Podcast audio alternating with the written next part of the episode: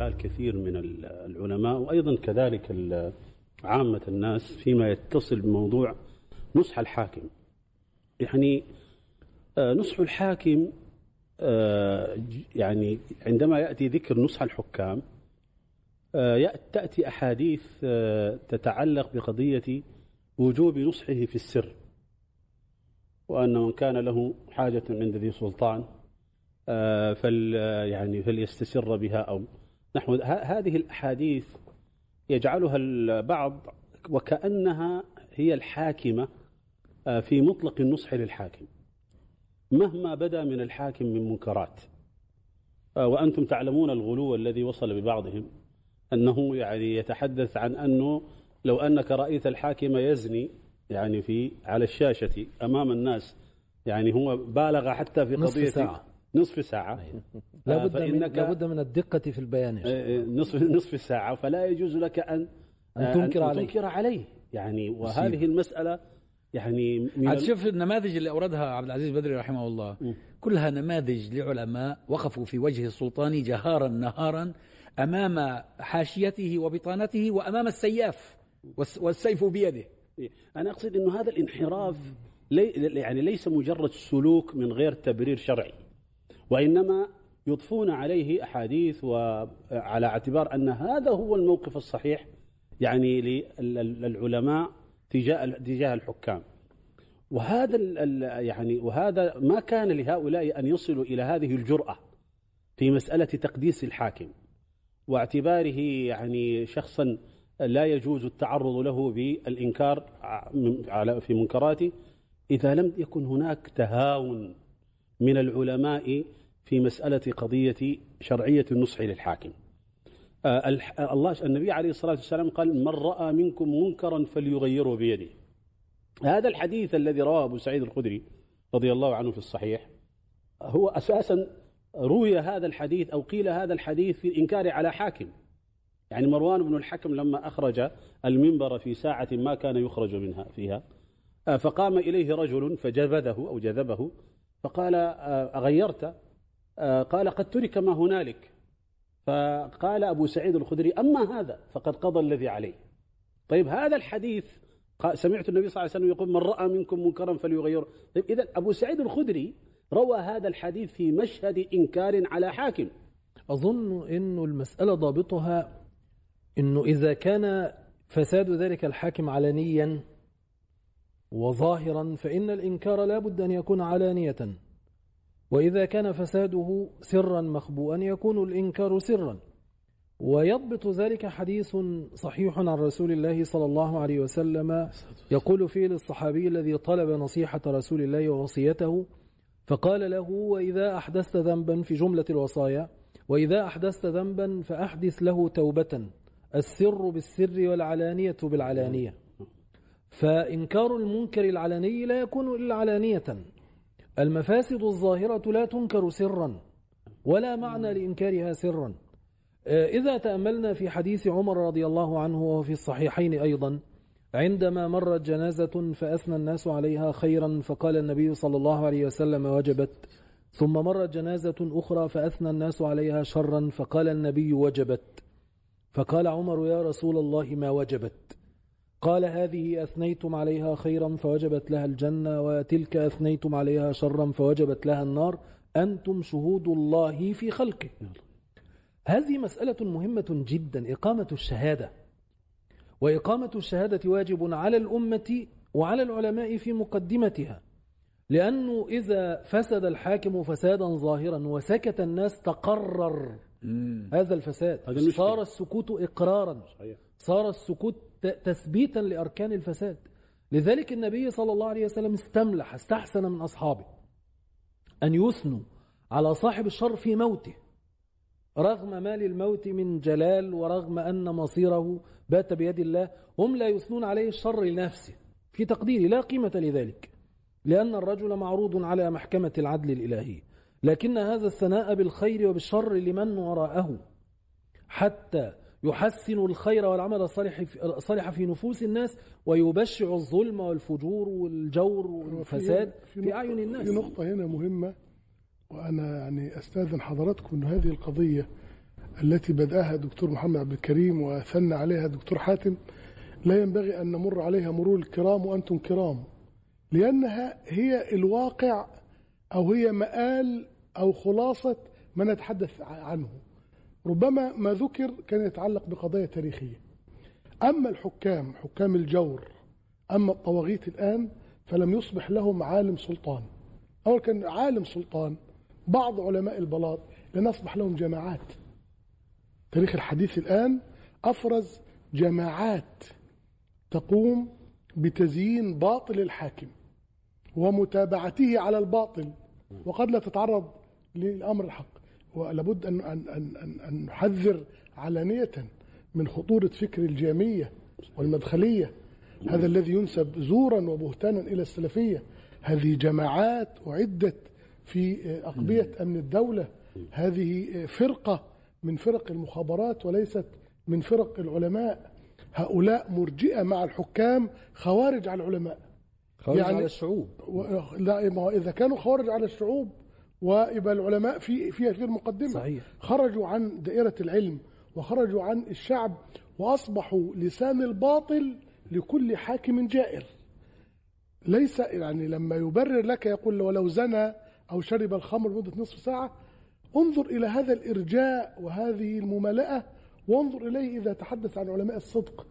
يسلقوهم بألسنة حداد وأوصاف لا نجيزها لأحد من البشر يصفون بها علماء الأمة وهؤلاء لا يقدسون ولي الأمر في كل بلد إنما يعتبرون في ولي أمر لكل هؤلاء صحيح. اللي هو الأماكن التي أفرختهم وأخرجتهم وهم يقيسون ولاءهم لولي الأمر هذا في بلدهم بالمقياس لولي الأمر الذي يمولهم والذي يعطيهم والذي دربهم والذي أخرجهم. يعني شيخ محمد من غير المقاطعة يعني. في ليبيا لما كان مشروع حفتر قائما كان المدخلية هناك والجامية يفتون بأنه ولي أمر متغلب. نعم وأنه وتجب بقية ولي الأمر بقية القذافي. الشاهد ان هو لما لما لما هزم ومشروعه سقط كان بقواعدهم ينبغي عليهم آه، أن يسلموا للسلطة التي تغلبت. نعم. صحيح. بمنطق التغلب لكنهم لم يفعلوا هم مع كل ولي أمر ما لم يكن منتخبا. هم يتلقون أوامرهم نعم. من الأجهزة الأمنية. نعم. هو هذا. لكن أنا أريد أؤكد شيء بدأ الدكتور عندكم حزب النور في مصر؟ لا حزب النور لم يصل إلى هذه الدرجة. طبعا. حزب النور في مصر شريك في عمل سياسي انقلابي. هو شريك. لكن جماعات ال- الجامية لا يرضون بخيانة حزب النور. يرونها ضعيفة. مم. يرونه لا يقبل بزنا الحاكم نصف ساعة. هو واخد جزء فقط لا هو هم- لو, لو المسألة عرضت على واحد من هنا واحد من هنا آه. حزب النور هيقول آه، لا لا يمكن أن يفعل آه. هو لا يفعل ذلك أصلا لكن, لكن الثاني لكن أنا أريد. هنا أن أثبت قاعدة بدأها الدكتور حاتم إنه أمر الاعتراض في الإسلام تخطى الحاكم إنما المسلم رباه النبي صلى الله عليه وسلم على السمع والطاعة مع الفهم بدليل أن عمر بن الخطاب رضي الله عنه لما أخذ النبي صلى الله عليه وسلم قرار صلح الحديبية. هل سمع وأطاع ولا ناقش؟ لا ده هو تخطى مرحلة النقاش إلى الاعتراض. اعترض نعم. قال لما نعطي الدنية في ديننا؟ وهو مع مقام النبوة. وهو مع قام النبوة. والموحى إليه. وأكمل الناس عقلا صلى الله عليه وسلم. فذهب إلى أبي بكر. لما نعطي الدنية في ديننا؟ وذهب إلى رسول الله بصفته الحاكم وهو نبي صلى الله عليه وسلم. بل عمر نفسه غير باليد مع الحاكم. تغيير باليد. يبقى إذا كان الأمر بالسر ينصح في السر. إذا كان في العلن ينصح بالعلن. إذا كان الحاكم بيخطئ باليد حتى لو في اجتهاد نقوم ونصح باليد. ماذا حدث؟ في غيبة عمر وقلما يغيب عن مجلس أبي بكر ذهب شيخ تميم الأقرع بن حابس وعينة بن حصن. فحدثوا الصديق عن أرض فلاة. والإسلام يقول من استزرع أرضا من أحيا مواتا. فهي له. وهذه قمة النظرية الزراعية الإسلامية. فقالوا هذه أرض بعيدة وليس وليس أقطعنا إياها نستزرعها. الإسلام يسعى إلى ذلك فأقطعهم إياها. قال ولكن أشهدوا على الأمر عمر. مش قرار فردي. فذهبوا إلى عمر. ولو نظرنا بمقاييس الدنيا ومقاييس العرب عمر رجل من عوام قريش وهؤلاء شيوخ تميم. مش عايزين نخش في موضوع تميم عشان الدكتور عزام إذا غضبت عليك بنو تميم ألفيت الناس كلهم غضابا. فسيدنا عمر رجل لم يكن رأس قريش هؤلاء رؤوس تميم. فذهبوا إلى عمر قالوا له يا عمر هذا كتاب من خليفة رسول الله. أرسله إليك لتنظر فيه وتوقع عليه. وكان عمر يصلح جملا له أصابه جرب يعني قار وزفت. فسيدنا عمر قارئ المشهد. قال أنتما على ما تريان. شايفيني شغال. إما أن تقرأ أو انتظر أنتظر حتى أفرغ من عملي. هم عايزين الصفقة تنتهي بسرعة. قالوا بل نقرأ عليك. فقرأ الرسالة خطاب تخصيص من رئيس الدولة. قال إلي بالصحيفة ويده فيها زفت وقار فبللها بلعابه ثم محى التوقيع. تغيير باليد اهو قال لهم لا الكلام ده مش هيمشي. مع توقيع أبو بكر. محى توقيع الخليفة. سبحان الله. ثم طواها وقال اجهدا جهدكما. نعم. كنا نتألف المؤلفة يوم أن كان للإسلام إليهم حاجة. يا ما. سمعتوش ما سمعتوش تأليف. ألفناكم ما فيه الكفاية. ويعرف أن أبو بكر أعضاهم تأليفا. فأخذوا الصحيفة وذهبوا إلى أفضل رجل طلعت عليه الشمس بعد النبيين ليبذروا عنده بذور الفتنة ولكن هيهات هذه تربة صالحة. قالوا يا خليفة رسول الله قبل ما يعرضوا القضية لا ندري من الخليفة أنت أم عمر؟ يقول لهم إزاي؟ إيه اللي حصل؟ قال هو والله لو أراد. هو. الرد. دون أن يسألهم. دون أن يسأل إيه القضية؟ تسألوني؟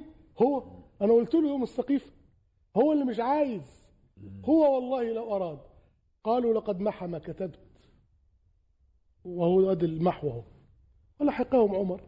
كان زمان للدكتور عزام ميراث في هذه الأرض الآن يعني. على فكرة نحن ننسب إلى تميم الداري وليس إلى بني تميم. طيب. آه. إيه بس من باب التصحيح يعني أسعد. طيب تمام. يعني نعمة النسبة على على على على الحالين. فدخل سيدنا عمر أخذ يوضح وجهة نظره قال يا خليفة رسول الله هذه الأرض يمكن نوضع فيها إبل الصدقة ويمكن أن نفعل منها كذا ونفعل منها كذا ونفعل منها كذا. فقال له ألم أقل لك أنك أولى بهذا الأمر مني؟ يا سلام. الله أكبر. شوف إنك رجل قوي شديد. فقال له شدتي لك مع فضلك. أنا جندي بس.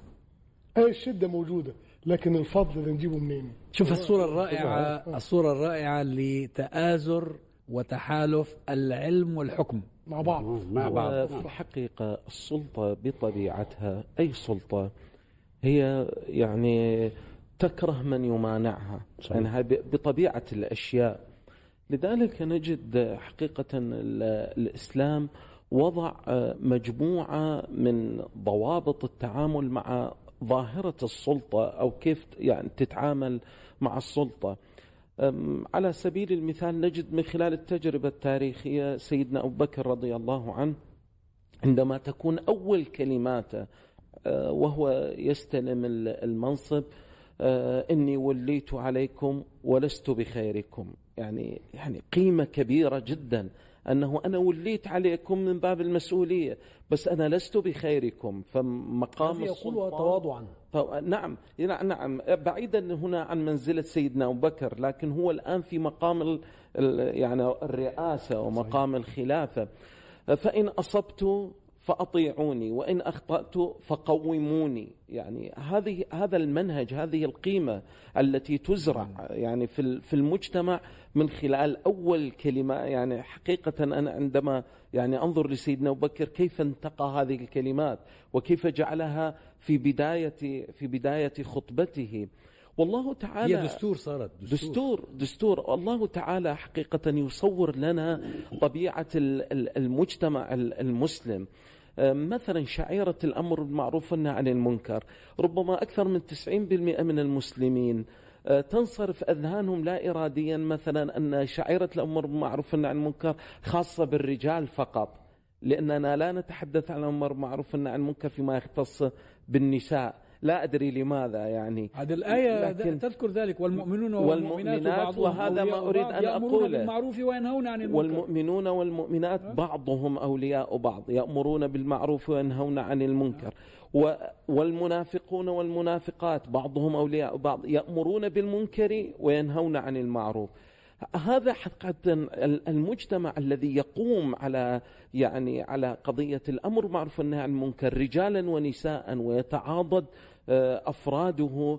هو آه، آه، يحاول أن ينزع فتيل تصادم هذا المجتمع مع الرئيس أو مع الخليفة أو مع الذي هو في الحقيقة على أرجح أقوال ال- الفقهاء أنه وكيل عن الأمة في هذا وليس معصوما. يعني وليس معصوما فيصبح وللأسف حقيقة عندما نجد أنه بعد قرون طويلة أن الفكر الغربي أو العالم الغربي يصل إلى نفس النتائج التي هي أنه لا ينبغي لا بد من توزيع السلطات ولا ينبغي أن يكون أحدا مستبدا في الأمر ولا بد أن تكون هناك يعني آه، يعني آه، نقول آه، عوامل اجتماعية تمنع الحاكم من أن يستبد في الأمور تحديد الصلاحيات تحديد المدة. أنا من الطرائف يعني م- مرة رأيت آه، يقول ال- نحن لا نشارك في الانتخابات إذا مثلا كل أربع سنين أو خمس سنوات ال- الحاكم. نحن نبايع ونؤيد إذا كان طول العمر. لكن إذا عشان كل كده عشان كده كل أربع خمس سنين نحن لا نشارك في الانتخابات. طويل العمر.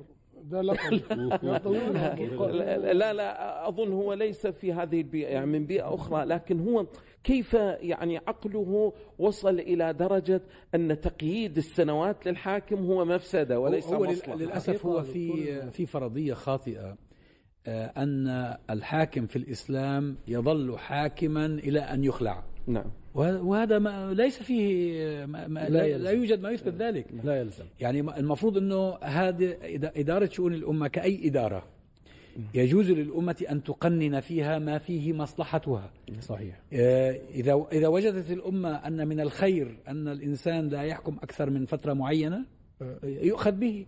يعني هذا ما وصلت فيه إليه الأنظمة الديمقراطية.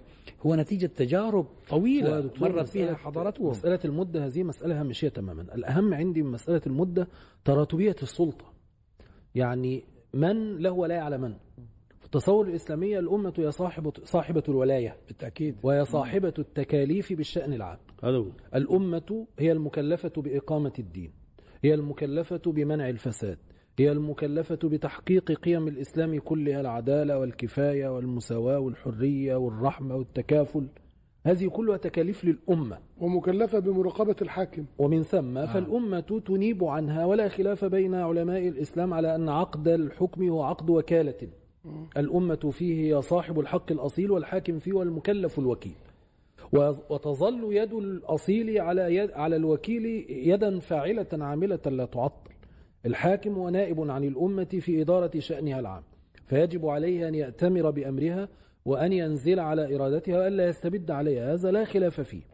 ثم إنه آه، الأمة لابد أن تكون لها أدوات للرقابة.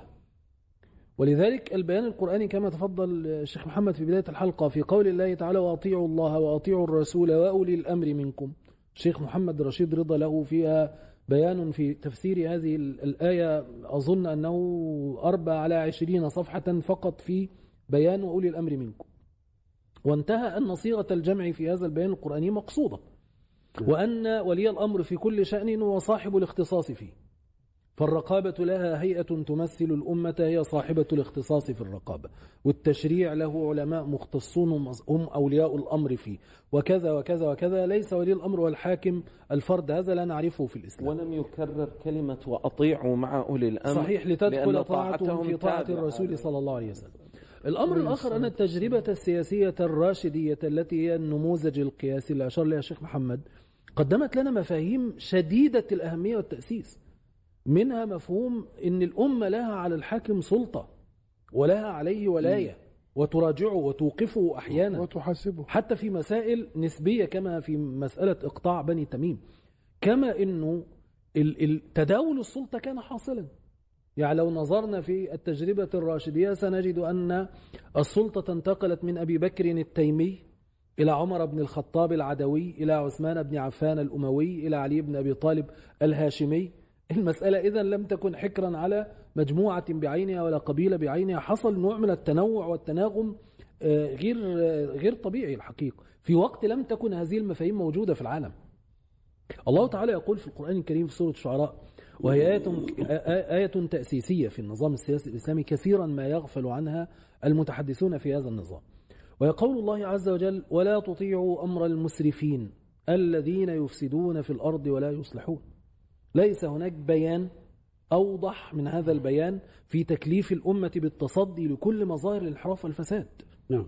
و- وإسقاط أي طاعة وأي التزام من الأمة نحو أي حاكم يسرف قبل أن يفسد ولا تطيع أمر المسرفين. المسرف هو الذي يضع المال في حقه زيادة عن الحاجة.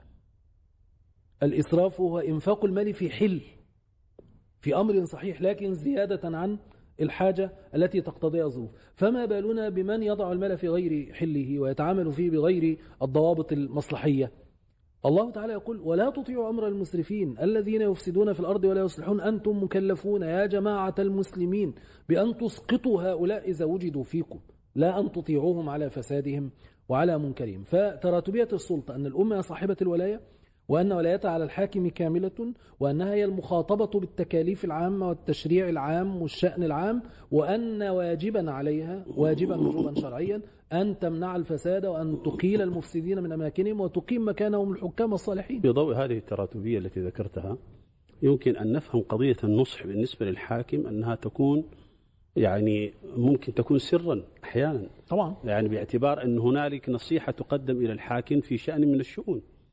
لكن عندما نتحدث إحنا عن قضية خروج الحاكم عن المعهود الشرعي أو عن الشرع هنا هذه مسألة أصبحت منكر اسمها منكر نعم. ولذلك الخلط الموجود عند هؤلاء أنه هم جعلوا المنكر الأكبر. هم نعم هم قضية ال يعني اعتبروا ال- الإنكار المنكر نصحا وهذا لي ال- الإنكار المنكر أخص من النصيحة يعني إنكار المنكر يدخل يندرج. تحت النصيحة وأوجب وأوجب يعني اصبح وأصبح الإنسان ملزما به. آه، ما أريد أن اقوله في موضوع قضية منهجية النصح للحاكم من قبل الحكام من قبل العلماء انه هذه المسألة أيضا يؤثر فيها آه، حالة ال- الحكام أنفسهم. يعني نح يعني إحنا لو رجعنا للتاريخ مثلا الدولة الفاطمية في مصر عندما قامت آه، العلماء الربانيون ماذا كان موقفهم من هذه الدولة التي تغولت على السلطة في بلاد المسلمين باسم آل البيت وباسم مناصرة آل البيت. كان موقفهم واضحا في تعرية يعني هذه الولاية. يعني العلماء كثير من العلماء بينوا حقيقة هذا الحكم. اعتبروه غير شرعي. اعتبروه غير شرعي.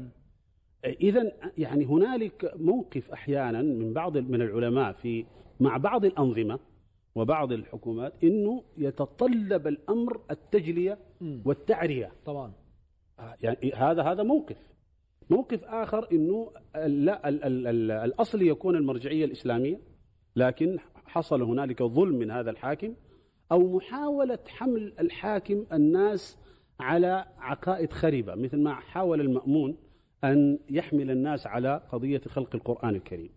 هنا يجب على العلماء أن يبينوا هذه المسألة و- وأن يقفوا فيها الموقف الشرعي مثل ما فعل الإمام أحمد وأنا رحمه الله تعالى. في هذه أن أشير إشارة مهمة أنه الحقيقة في حالات في التاريخ الإسلامي هي حالات إفلاس. إفلاس سياسي إفلاس اجتماعي. وفي هذه الحالات يهرب أولئك الحكام المفلسون إلى قضايا زائفة ويحولونها إلى ميادين صراع تستنزف طاقات الأمة في غير طائل. قضية خلق القرآن هذه هي مثال على ذلك. يعني اخترعوا قضية لم تكن موجودة ولا مطروحة على العقل المسلم من قبل لا وجود لها. ولم يبحثها أحد من قبل. آه و- و- ولا يترتب عليها مع فساد ما طرحوه بكل تأكيد لا يترتب عليها عمل ولا يترتب عليها كبير أثر. لكنها كانت أشبه ب آه، يعني فقاعة هوائية لامتصاص طاقة الغضب عند الأمة إزاء حصول هزائم عسكرية متتالية أمام الرومان وأراد أن يغطي على هذه هذه الهزائم باختراع هذه القضية وتحويلها إلى يعني مشاجرة عنيفة جدا بين السلطة وبين العلماء تصرف أذهان الناس عن الواقع المتردي سياسيا وعسكريا. وهذا خط ممتد في التاريخ الإسلامي. كلما عجزت السلطة عن التصدي للقضايا الحقيقية اخترعت للناس قضايا زائفة وشغلتهم. بها هو دكتور حازم بغض النظر عن الغايات والأهداف التي أراد منها المأمون هل هو كان متبني عقائديا هذا هذه المسألة؟ آه، أو أنه, إنه, أو, أنه أو حاول يعني أن, أن يغطي عليه هو تبنى المعتزلة. أو تبنى المعتزلة. وهذه فيها طبعا إشارة إشارة إلى الفساد الذي يلحق بالحكم عندما يتعصب الحاكم لفئة أقلية في المجتمع. بس في هنا ملمح يا دكتور ممكن ناخد منه قضية مهمة لحلقتنا إنه ابن أبي دؤاد والمدرسة المعتزلية استطاعوا أن يؤثروا في الحكام بالتحامهم بهم نعم. سواء كانوا عن اقتناع أو استخدموهم لكن لا ينبغي أن يكون في مفاصلة أن يعيش العلماء في كهوف لن يؤثروا في الدنيا ولن يؤثروا في الحاكم لما هو في سياق آه، فضيلة الشيخ هي السياق إيش هو؟ آه العباسيون كانوا قد انفتحوا على الترجمات وعلى الفلسفات اليونانية فأصبح هذا زي الموضة عندهم في ذلك الوقت. آه، دخلت وأصبح يعني زي نوع بالبرستيج كيف الأيام هذه يعني بقول لك يعني حاجة فخمة. فكان الاعتزال في ذلك الوقت بالذات هو البرستيج بتاعهم. بس أنا عايز أقرر الشيء في قضية أمر الحاكم هذا لأنه إحنا بدأناه ولأنه مع الأسف الحقيقة باهتة في نفوس كثير من المسلمين واستطاع حكام الجور حتى قبل ظهور الجامية والمدخلية أن يجعلوا من قضية السمع والطاعة وكلمة ولي الأمر لها قدسية. أنت هتخالف ولي الأمر. معناها أنت هتكفر يعني. إيه ولي الأمر؟ ولي الأمر يخطئ ويصيب. الحديث المشهور بتاع المستورد القرشي لما قال تقوم الساعة والروم أكثر الناس اللي هو العالم الغربي. وسيدنا عمرو في قصة طويلة لما سمع منه ذلك واستوثق قال له ما, ما قلت إلا ما سمعته من رسول الله. قال إن فيهم خصالا أربعة. لكن الذي استملحه عمرو وأحبه من هذه الخصال قال وأمنعهم من ظلم الملوك. إيه اللي يجعل المجتمع الغربي من قديم؟ عمرو بن العاص كان رجل له رحلات زار مصر بالمناسبة زار الإسكندرية قبل الدعوة الإسلامية. وكان له رحلات عند النجاشي. لذا قريش أرسلته للنجاشي. كان يدرس ويعرف أخبار الأمم السابقة أن الجنس الأوروبي أمنعهم من ظلم الملوك. لماذا؟ لأنه يقول لماذا؟ ونحن رأينا رأينا في العصر الحديث. إذا الامتناع عن ظلم الملوك هذه قيمة إسلامية. طبعا وعدم الخنوع وهي وهي سبب وهي سبب في نجاح الأمم. صحيح. حقيقة هناك وجه آخر أيضا للنقطة اللي ذكرها الدكتور محمد آه، في قضية يعني القضية هي لا تتعلق بالحاكم رقم واحد أو المسؤول الأول. هي تنزل تراتبيا للوزراء للمدير العام للمحافظ للوالي يعني إلى أن تنزل إلى حتى مدير البلدية. نحن هنا يعني أنا شواهد لا تعد ولا تحصى. آه، حصلت أمامي عندما مثلا علماء يقولون والله ذهبنا إلى فلان المسؤول ونفذ ما طلبه منا واستغربنا أنه كيف كان الموضوع بهذه البساطة. فحقيقة أستنتج من كل هذه الأحداث أنه أيضا حصلت عزلة يعني إفراط في موضوع العزلة. يعني وهذا هو الوجه الآخر لموضوع النفاق والتملق وال يعني موضوع العزلة وحالة من الخطوط الحمراء اللي ربما يعني تفرض حتى مجتمعيا على هذا العالم يعني أن يتحرك يعني في في في هذا الموضوع. وهنا أكرر حقا دعوتي في مسألة أنه إحنا ما زال الأمر على المستوى الفقهي يحتاج إلى إلى مزيد ضبط يعني في في في مثل هكذا في مثل هكذا يعني آه، قضية. ونحن نجد عندما يعني على سبيل المثال العز بن عبد السلام وكرر هذا الأمر